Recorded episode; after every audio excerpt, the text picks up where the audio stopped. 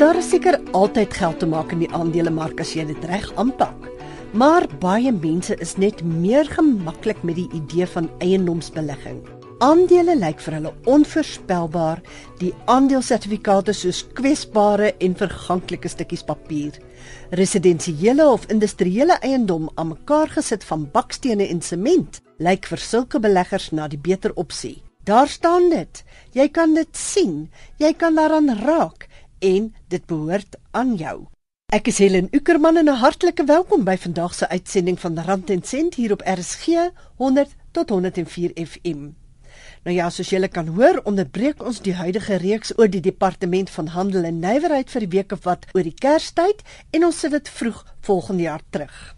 Intussen, so amper al met die invoet in 2015, praat ons oor eiendomsbelegging is residensiële of industriële eiendom oor die langtermyn 'n beter opsie as sê net maar 'n belegging in 'n eiendomsfonds? Daar is nie 'n eenvoudige antwoord op die vraag nie en baie hang af van persoonlike voorkeure. By ons in die ateljee vandag is Dr. Koos Tutoy, uitvoerende hoof van die P3 Eiendomsbeleggingsklub of die P3 Investment Club in Engels wat al jare lank 'n ervare belegger in huureiendomme is. Koos baie welkom by Rand en Sent. Dankie Helen. Jy belê nou al jare lank in huureiendomme, residensieel en industrieel dink ek. Dis reg, ja. Ja. Nou vertel vir ons kortliks hoekom dit vir jou werk. Weet jy die groot ding met eiendom is dat 'n mens kry eintlik ander mense om jou bates vir jou af te betaal. En dit het vir my baie aanloklik geklink so 11 jaar terug toe ek betrokke geraak het by hierdie industrie.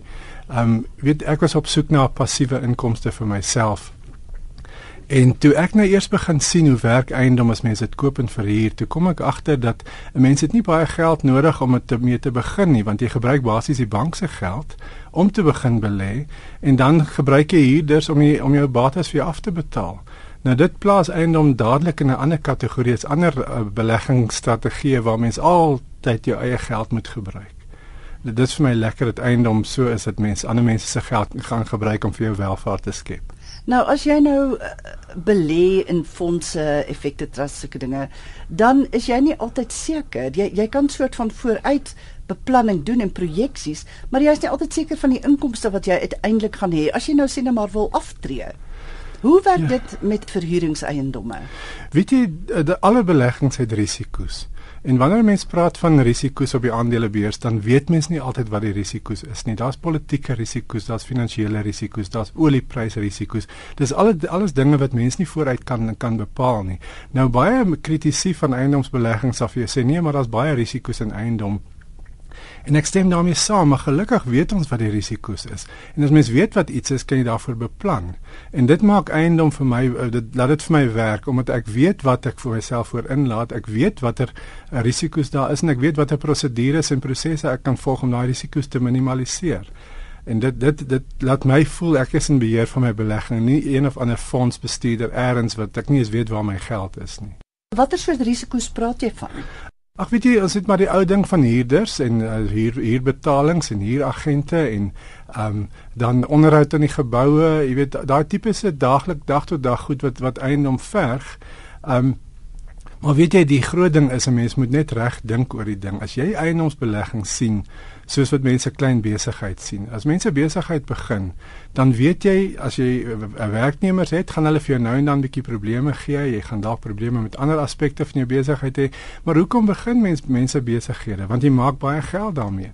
En as jy die regte prosedures en en en en prosesse in plek het om jou huurders en jou huuragente en daai ander goed te hanteer, jou jou jou um, onderhoud, dan is dit nie eintlik iets wat kan lei tot wat hoef te lei tot verliese nie. So mense weet waarvoor jy jouself inlaat, jy maak voorsiening daarvoor en dan bestuur jy die eiendomsbeleggingsportefeulje professioneel. As jy weet wat jy doen, kan jy baie geld maak want op die ou end werk dit so dat ander mense betaal jou bates vir jou af.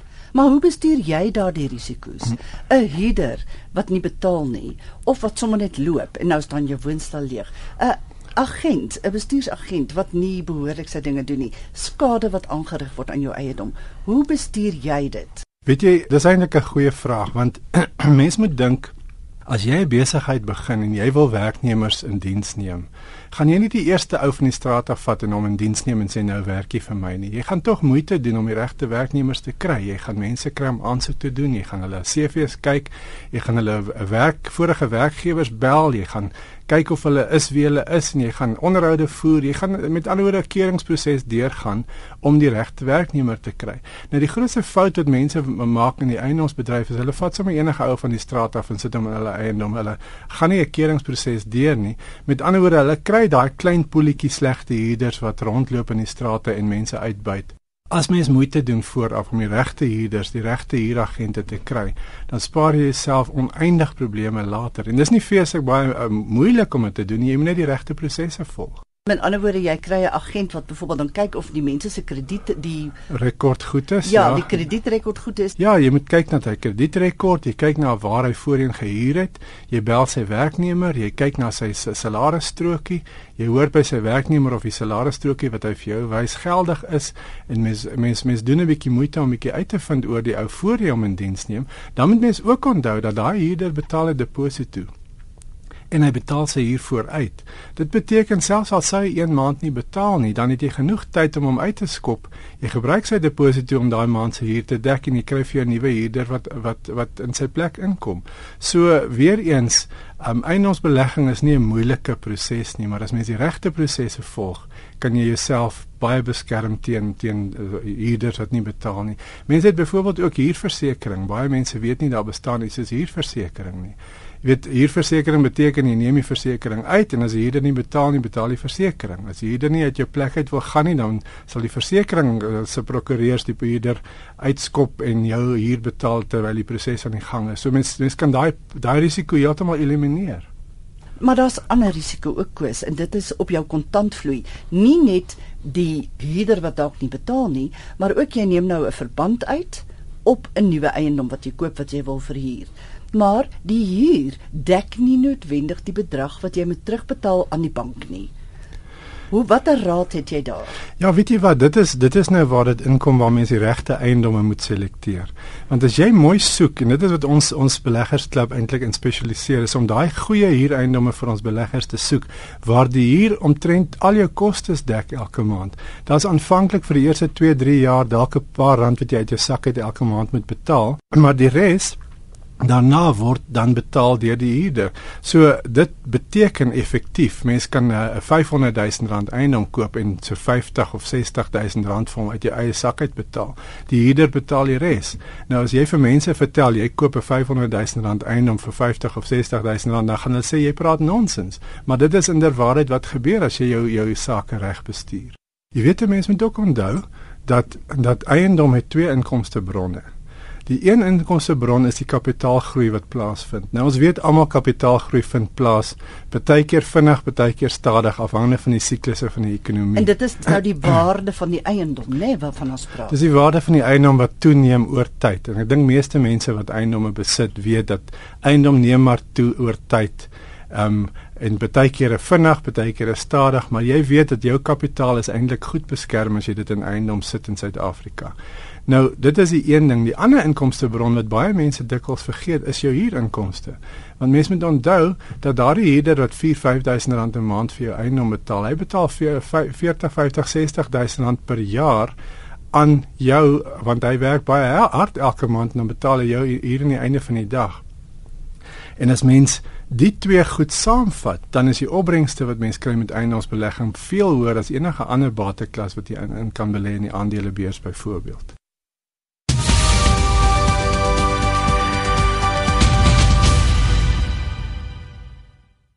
Jy luister na Rand en Sent met Helen op RSG 100 tot 104 FM en ons ateljeegas vandag Dr Koos de Tooi uitvoerende hoof van die P3 Eiendomsbeleggingsklub. Onthou dat jy hierdie program kan aflaai in MP3 formaat van RSG se webtuiste rsg.co.za. As jy op soek is na Koos se kontakbesonderhede, moenie weggaan nie. Ons gee dit aan die einde van die program. Koos, kom ons gesels verder. Wat is 'n goeie eiendom om te koop om te verhuur? Weet jy, ons spesialiseer eintlik daarin en sê vir mense koop iets onder 600 000 rand. Want daar's verskeie redes daarvoor. Die groot rede is dat jou huurinkomste as 'n persentasie van jou koopprys is gewoonlik die hoogste by jou by jou kleiner tipe van eiendomme. Die ander ding is dat jou pool van huurders wat wil huur in daai mark is oneindig groot in Suid-Afrika. Jy gaan nooit sonder 'n huurder sit nie. So as 'n mens nou dink in terme van verspreiding van risiko, is dit natuurlik beter om om 4 500 000 rand woonstelle of klein meentuise te hê as 1 2 miljoen rand eiendom. So wanneer mens dan praat van 'n portefeulje van eiendomme, praat ons van eiendomme hier onder die 600 000 waar daar verskeie huurders is wat elke maand vir jou help om jou eiendomme af te betaal. En dan ook as een van die eiendomme leeg staan, dan betaal die ander daarom nog. Dit is nie soos een duur eiendom en as daardie persoon nie betaal nie, dan is jy eintlik in jou peekie in. Dis heeltemal reg. Ja. Eh, gewoonlik, ek moet ook by sê dat eiendomme van hierdie aard staan nie leeg nie. As mense adverteer vir 'n huurder in jou groter sentrums in Suid-Afrika, dan kry jy seker 30 aansoeke. So jou uitdaging is om die regte huurders te kies, nie om die, om 'n huurder te kry vir hierdie tipe van eiendomme in Suid-Afrika. Maar jy sê nou die groter sentrums. Ek meen maar selfs in die groter sentrums is daar nie seker sekere areas wat meer geskik is as ander nie. Wel, as mens kyk na die populasie in Suid-Afrika, dan vind mens dat dat jy kry nie eintlik 'n eiendom wat leeg staan nie. Jy weet, dit is 'n bitter selde dat dit gebeur. Nou praat ek nie van jou dierder eiendom nie. Ek praat van jou middelslag, twee slaapkamer, een badkamer, twee slaapkamer, twee badkamer tipe van woonstelle. Hulle staan gewoonlik nie leeg nie. As hulle leeg staan, moet jy vir jouself hard afvra of jy nie dalk onrealisties is in die prys wat jy vra vir jou huur nie maar oor die algemeen het ek nog nooit 'n probleem gehad om hierde te kry vir my eiendomme nie.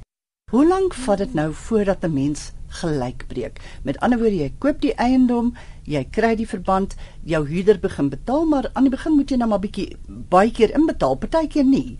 Hoe lank vat dit gemiddeld voor jy nou gelyk breek voordat daai hm. huur in jou sak ingaan en nie in die bank se nie? Ja, weet jy, as 'n mens kyk na die eerste rukkie wat mense eiendom koop, dan is daar baie keer 'n tekort, wat ons noem 'n tekort. Dit is die dit is die gedeelte van die geld wat uit jou eie sak kom om die huurinkomste aan te vul om al die kostes op die eiendom te dek. En dit vat gewoonlik so as jy nou 'n goeie eiendom koop, so 4, 5 jaar, dan kom jy ou by die punt wat mense noem gelykbreekpunt waar jou huurder nou al die kostes op die eiendom dek. Dit sluit in die heffings en die munisipale eh, heffings die huuragent se kostes en al die kostes selfs onderhoud op die eiendom wat so 4 5 jaar. Maar as mens dan daarna aangaan dan kom jy agter die eiendom genereer nou 'n surplus wat beteken die huurder betaal meer as die kostes op die eiendom. As mens daai surplus vat en jy sit dit terug in jou verband, dan betaal jy die huis gewoonlik af in so 12 13 jaar. En ek dink dit is wat wat lekker is want na 12 13 jaar na jy eiendom gekoop het, is daai eiendom afbetaal en van dan af word die hele huur minus die kostes op die eiendom alles in jou rekening inbetaal wat beteken jy het nou basiese inflasie gekoppelde inkomste vir die res van jou lewe. Nou ek kan dit dalk net noem dat 'n huis van so 500 000 rand gee vir jou 'n netto inkomste van so 3000 rand 'n maand na kostes en so aan. En uh dit beteken as jy vir die 500 000 rand huis kom ons sê net maar 80 000 betaal het uit jou eie sak het jy vir 80000 uit jou eie sak, het jy vir jouself 'n inkomste vir die res van jou lewe van R3000 'n maand gekoop in vandag se waarde tydwaarde van geld. Nou jy sien, dit is nou vir my interessant want kom ons praat nou oor aftreebeplanning en huureiendomme. Soos wat dit vir my klink, kan jy nou byvoorbeeld sê, "Oké, okay, ek het R20000 'n maand nodig as ek aftree." Nou. Ja. Nee, maar ek tree nou in elk geval eers so 20 of 30 jaar af of vir 10 jaar, maar dit is wat ek in vandag se terme nodig het. Hoe beplan ek daarvoor in terme van eiendomme? Weet jy, dis eintlik 'n baie maklike som om te maak want as jy nou R20000 'n maand in vandag se terme wil verdien en ons sê dat 'n min of meer R500000 eiendom, dis 'n twee slaapkamer, een badkamer woonstel of meentuis, gee vir jou 'n netto inkomste van R3000. Dis gewoonlik 'n bietjie meer, maar kom ons werk maar konservatief op R3000. Dan meen dit jy moet vir jouself 'n doel stel om vir jouself oor die volgende 5 of so jaar 10 eiendomme te gaan koop of eintlik nou 7 nê want dit is net 20000. Dit is 21000. Dis ja. 21000. Ja. So jy moet nou vir jouself sê my doel is om 7 eiendomme te koop oor die volgende ruk, hulle af te betaal so wanneer ek die dag aftree het ek die ekwivalent van 21000 rand 'n maand vir die res van my lewe. Maak nie saak hoe oud ek word nie, onthou die geld hou nooit op nie. En die lekker ding daarvan is ook wanneer jy doodgaan, dan kry jou kinders daai inkomste. Dis 'n pensioen wat jy opbou wat nie saam met jou doodgaan nie.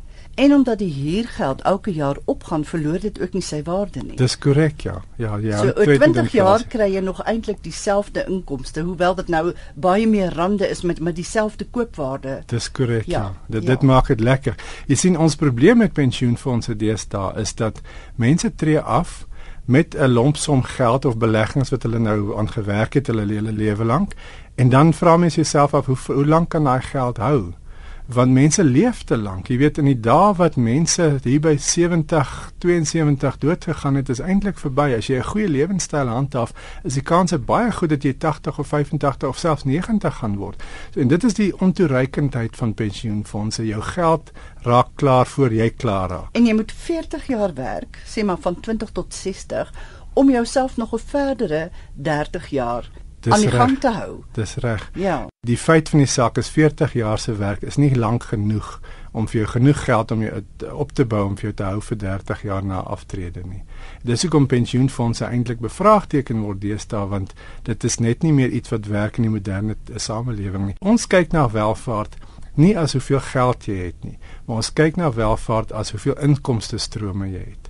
So as jy aftree die dag met verskeie inkomste strome wat tred hou met inflasie, maak dit nie saak hoe oud jy word nie, jy gaan nooit sonder geld sit nie.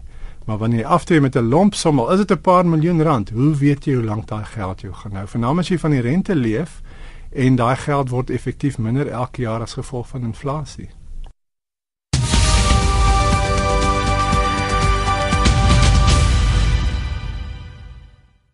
Jy luister nog na Rand en Sent hier op RSG en dit is natuurlik op 100 tot 104 FM. Koos, jy moet 'n bietjie aanhang.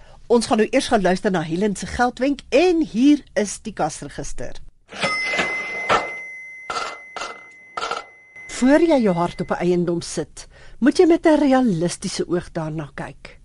Die vorm, ligging en grootte van die erf kan later jou grootste vreugde of nagmerrie wees. Hou altyd jou toekomsplanne in gedagte. 'n Dubbelverdiepinghuis lyk dalk nou baie aanloklik, Maar hoe prakties gaan dit wees as jy met 'n gesin wil begin of as jy self besig is om ouer te word? Is dit maklik om vertrekke aan te bou? Sê nou maar as jou ouers dalk by jou gaan kom bly in die toekoms. Is daar genoeg plek vir aanbou? Is bestaande aanbouings op die bouplanne aangeteken? Indien nie, is dit waarskynlik onwettig. Is dit naby skole en hospitale? Wat gaan dit jou kos om elke dag by die werk te kom? As die eiendom naby riviere of stroompies is, gaan maak ook seker wat die vloedlyn beperkings is en gaan vind uit by die bure of hulle huise al oorstroom het of nie. En dit was ons weeklikse geldwenk.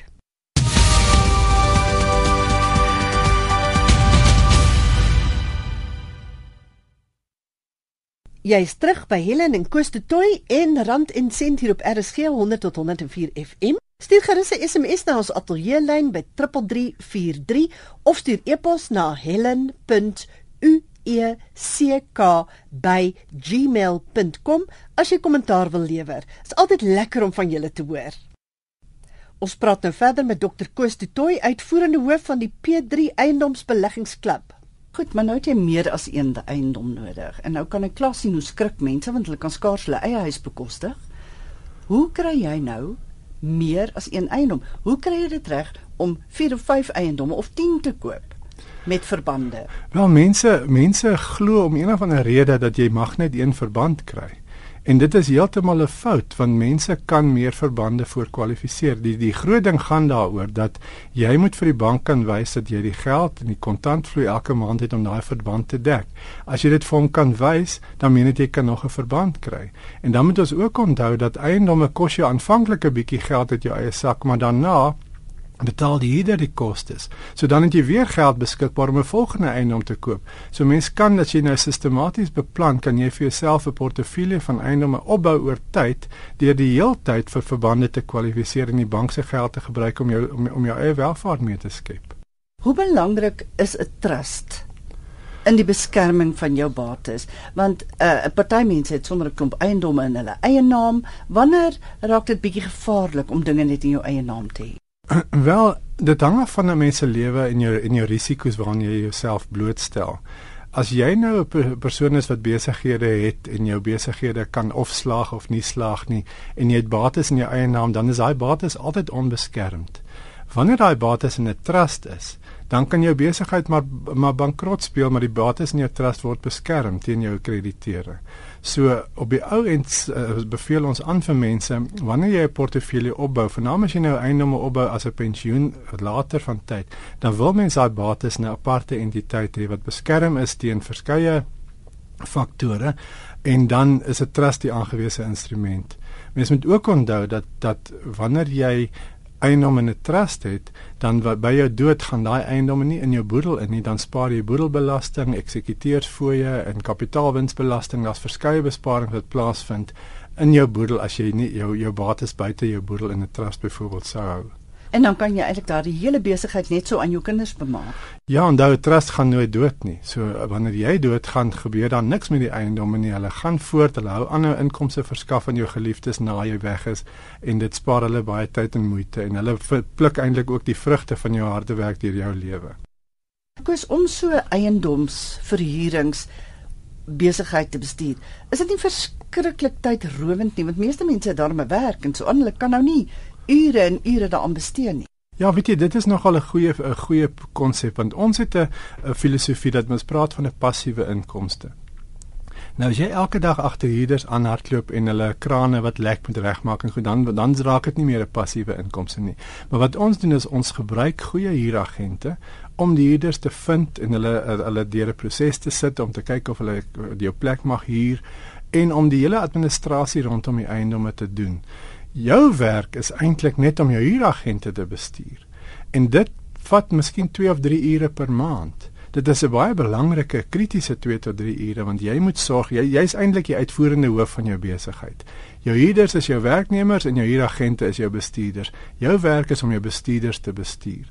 En dit soos ek sê, vat se 2 tot 3 ure per maand en om te kyk of al jou geld ingekom het, om te kyk of die onderhoud gedoen is of te kyk of daar nuwe huurders geplaas is, maar dit is letterlik 2 tot 3 ure 'n maand wat jy self aktief betrokke is by hierdie besigheid. Verder gaan jy aan met jou lewe en jy gaan aan met jou eie loopbaan en jy bou vir jouself hierdie portefeulje op met tyd wat vir jou later 'n inflasie gekoppelde inkomste gaan gee vir die res van jou lewe. En wat lekker is van 'n goeie verhuuringsagent is hulle het spanne wat al daardie onderhoud doen. Hulle sal sê wel ons moet die plek verf of hierdie iets gebreek en dan sê jy ja, gaan maar voort en dan doen hulle dit alles. Ja, dis reg. Hulle kry gewoonlik 'n kontrakteur. Hulle lê vir jou kwotasies voor. Jy besluit wat jy wil gedoen hè en hulle kry kontrakteurs en hulle sorteer dit vir jou uit. Jy weet, hulle word betaal. Mens betaal 'n huuragent gewoonlik so 10% van jou maandelikse huurinkomste en daarvoor moet hulle werk en daarvoor versorg hulle die eiendom en hulle sorg dat die eiendom reg bestuur word.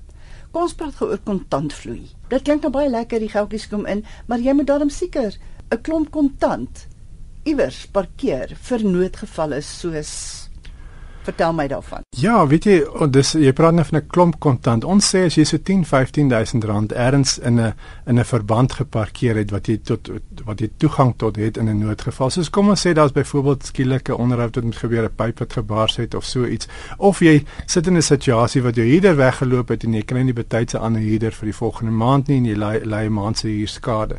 Dan moet jy darm 'n bietjie geld hê om jouself deur daai periode te bring.